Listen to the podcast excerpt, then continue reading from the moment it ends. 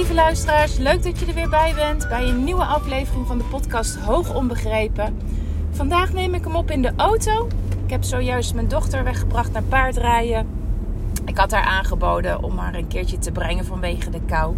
Dan hoefde ze die 8 kilometer heen en 8 kilometer terug niet te fietsen. Nou, dat heeft ze dankbaar aangenomen. Dus uh, ik ben nu onderweg weer terug. En ik dacht, een mooi moment voor mij even om een podcast op te nemen.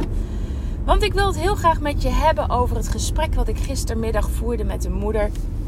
Zij had mij uh, een week geleden een berichtje gestuurd. Ze had namelijk mijn naam doorgekregen van iemand die uh, zijn kind bij mij al had laten testen. En ze had gevraagd of wij een keertje met elkaar konden bellen. Want ze, ja, ze maakte zich zorgen om haar, uh, om haar kind.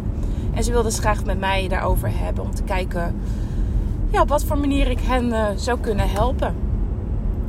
En ik heb haar dus gistermiddag gebeld. Uh, ik vind dat zelf altijd heel erg fijn om even iemand te spreken. Want het is heel erg afhankelijk van wat er speelt, wat nu de juiste stap is om als eerste te zetten. Welke hulp er nu echt daadwerkelijk nodig is. En wat zij mij vertelde um, was dat zij heel erg het gevoel heeft dat haar kind ja, van, van kleins af aan al anders is. Het is voornamelijk een heel sterk gevoel wat ze heeft en niet iets waar ze ja, echt een vinger op kan leggen. En momenteel loopt het helemaal niet lekker op school. En zijn er ja, vanuit school ook echt signalen geweest van... Goh, weet je, er is van alles aan de hand. Uh, wij denken dat het goed is als er uh, onderzoek gedaan wordt. En waar school heel erg op zit... En dit is iets waar ik, wat ik ontzettend vaak hoor in de praktijk... Is um, ja, de gedachtegang dat er ADD of ADHD speelt. En daar wordt ook vanuit school heel erg aangestuurd op een onderzoek. Even opletten. Ja, ik kan. Uh, op een onderzoek op dat gebied. En de moeder, de moeder in kwestie zei tegen mij: Ik voel aan alle kanten dat dit niet de weg is. Ik heb geen idee wat wel de weg is. Ik heb echt geen idee. Maar ik voel heel sterk dat dit het niet is. En eigenlijk wil ik het niet. En we hebben, en, en, nou denk ik, drie kwartier met elkaar gesproken. En alles wat ze me vertelde over haar kind, kon ik plaatsen onder hoogbegaafdheid. Nou wil dat natuurlijk niet altijd iets zeggen. Um, maar het zijn voor mij wel aanwijzingen dat, het, dat er wel dat het wel mogelijk is en dat we ook daar serieus naar zouden moeten gaan kijken. Nou, ik hoef verder niet op dat gesprek verder in te gaan, maar waar ik het vandaag eigenlijk met je dus over wil hebben, is het feit dat heel veel uh, leerkrachten nog altijd niet doorhebben dat ze te maken hebben of kunnen hebben met een hoogbegaafd kind op het moment dat er aandachtsproblemen zijn. En die aandachtsproblemen houden dan in dat het kind zijn aandacht niet bij de les kan houden, afgeleid is, bezig is met allerlei andere dingen. Dingen die buiten gebeuren, dingen die in de klas gebeuren. Uh, zich niet kunnen focussen op werk, niet, zich niet kunnen focussen op hetgeen van de lessen wat ze moeten doen. En daarin al allerlei andere afleidingen zoeken. En voor mij is het zo'n sterk teken dat zo'n kind niet op zijn eigen niveau lesstof krijgt aangeboden wat het nodig heeft. Het is namelijk zo dat op het moment dat een kind niet de uitdaging krijgt die het nodig heeft, dat het zich niet kan focussen. En ik vind dat eigenlijk niet meer dan logisch. En dan heel vaak aan ouders leg ik dan ook uit: stel nou dat jij binnen je werk iets moet doen wat je al lang kan, wat je echt wel gezien hebt, wat totaal geen uitdaging biedt, wat je ja, eigenlijk murf slaat van herhaling, herhaling, herhaling. Hoe erg ben jij dan gefocust? Hoe geconcentreerd ben jij dan bezig met jouw werk? En eigenlijk altijd als ik dat uitspreek, geven ouders mij aan: ja, weet je, dan ben ik ook afgeleid. Dan ben ik met honderdduizend andere dingen bezig. Behalve met hetgeen wat ik moet doen. Ik krijg mijn werk dan, zou mijn werk dan ook niet op tijd afkrijgen. Ik zou um, allerlei afleiding zoeken om maar niet te hoeven starten of om maar niet iets hoef, te hoeven afmaken. Omdat het totaal niet boeiend is. Het, Het geeft totaal geen vervulling. Ja, en dan zeg ik, kinderen zijn niet anders dan wij. En dit speelt voor deze kinderen ook heel erg.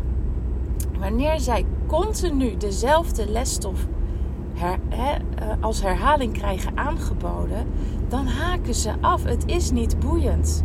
Als een kind al iets krijgt wat het al lang beheerst, waarom zou het dan nog moeite doen om zich te concentreren en uh, een hele bladzijde rekenen of twee bladzijden rekenen te moeten maken? Er is totaal geen enkele motivatie en die ligt niet in het feit dat ze een aandachtsprobleem hebben. Die ligt in het feit dat de lesstof niet op hen is afgestemd. En voor deze kinderen wil ik heel graag als eerste stap maken dat de lesstof wel op niveau is. Want dan, pas dan kan je zien in hoeverre een kind zich echt kan concentreren. En mijn, uit mijn ervaring blijkt dat als dit stuk aangepakt wordt, dat, dat er geen sprake is meer van aandachtsproblematiek. Het is ook iets wat heel vaak alleen maar gesignaleerd wordt door de leerkrachten. Waar ouders thuis van zeggen: Ja, weet je, wanneer het, wanneer het eh, gaat over hetgeen wat het kind leuk vindt, waar het aandacht voor heeft, wat, wat, het is een interesse heeft, dan zien we helemaal geen problemen om de aandacht vast te houden. Juist het tegenovergestelde zien we dat het een kind is wat zich heel goed kan concentreren. En dat is vaak wat ik ook terugzie. Ik zie heel vaak dan bij zo'n kind tijdens een onderzoek terug dat er helemaal geen sprake is van, het, van een aandachtsprobleem. Maar dat er sprake is van aandachtsprobleem op het moment dat stof, of bij mij dan in dit geval de opdrachten, veel te simpel zijn. Maar als de opdrachten moeilijk genoeg zijn, dan zie ik dit eigenlijk nooit. En dat betekent dus dat het een, een locatieafhankelijk probleem is. Namelijk een probleem binnen de muren van school. En dan zal je daar ook de oplossing in moeten zoeken. En voor deze kinderen betekent het zoeken naar een oplossing dat je het moet gaan zoeken in het compacte van de lesstof. En dat betekent dat eigenlijk alle herhaling geskipt kan worden. Het is niet nodig. Het betekent ook dat de lesstof aan moet sluiten bij waar het kind op dat moment zit. En dat noemen we met uh, ja, in mooie woorden: de, het moet, de lesstof moet zitten in de zone van naaste ontwikkeling.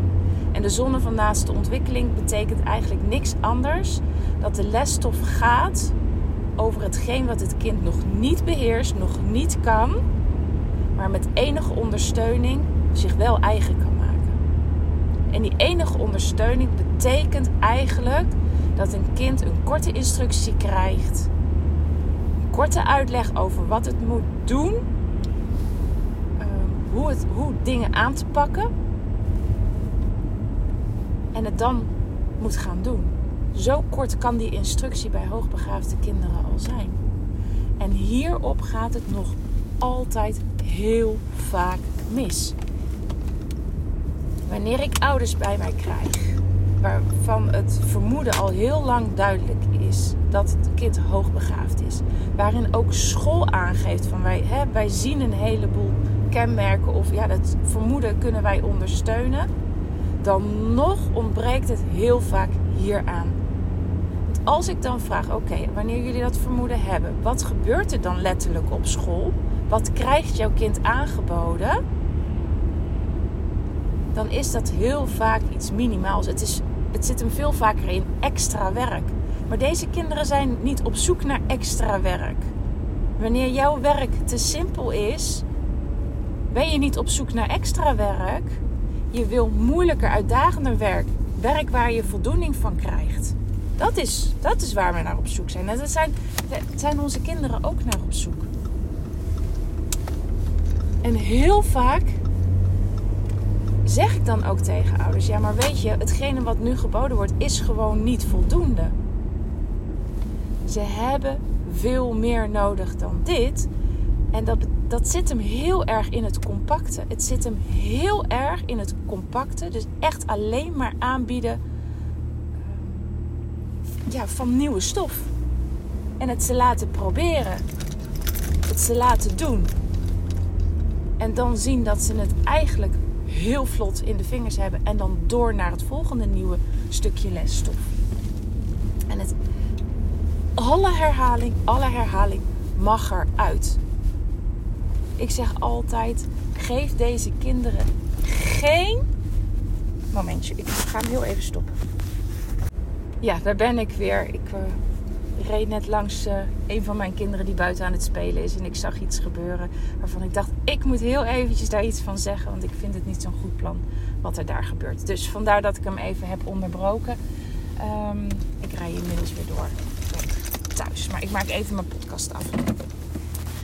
Had het er dus over dat deze kinderen dus echt die herhaling niet nodig hebben. En dat moet eruit. Dat is zo ontzettend belangrijk.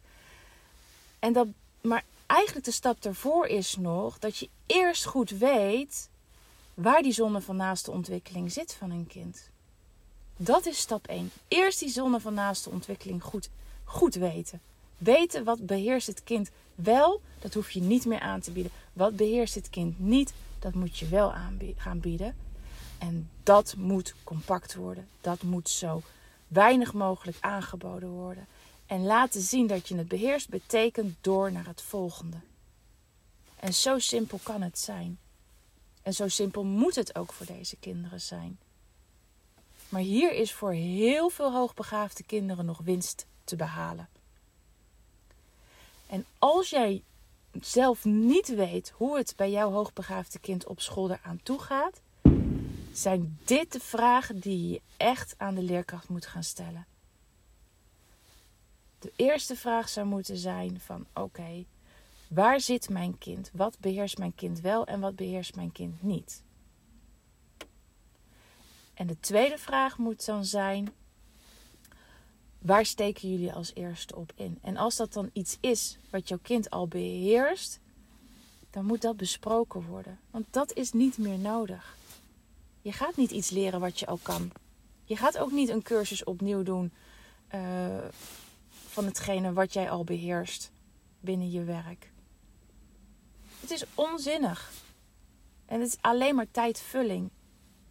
En ik kan me voorstellen dat het voor een hoogbegaafd kind zo'n tijdvulling echt vreselijk saai is.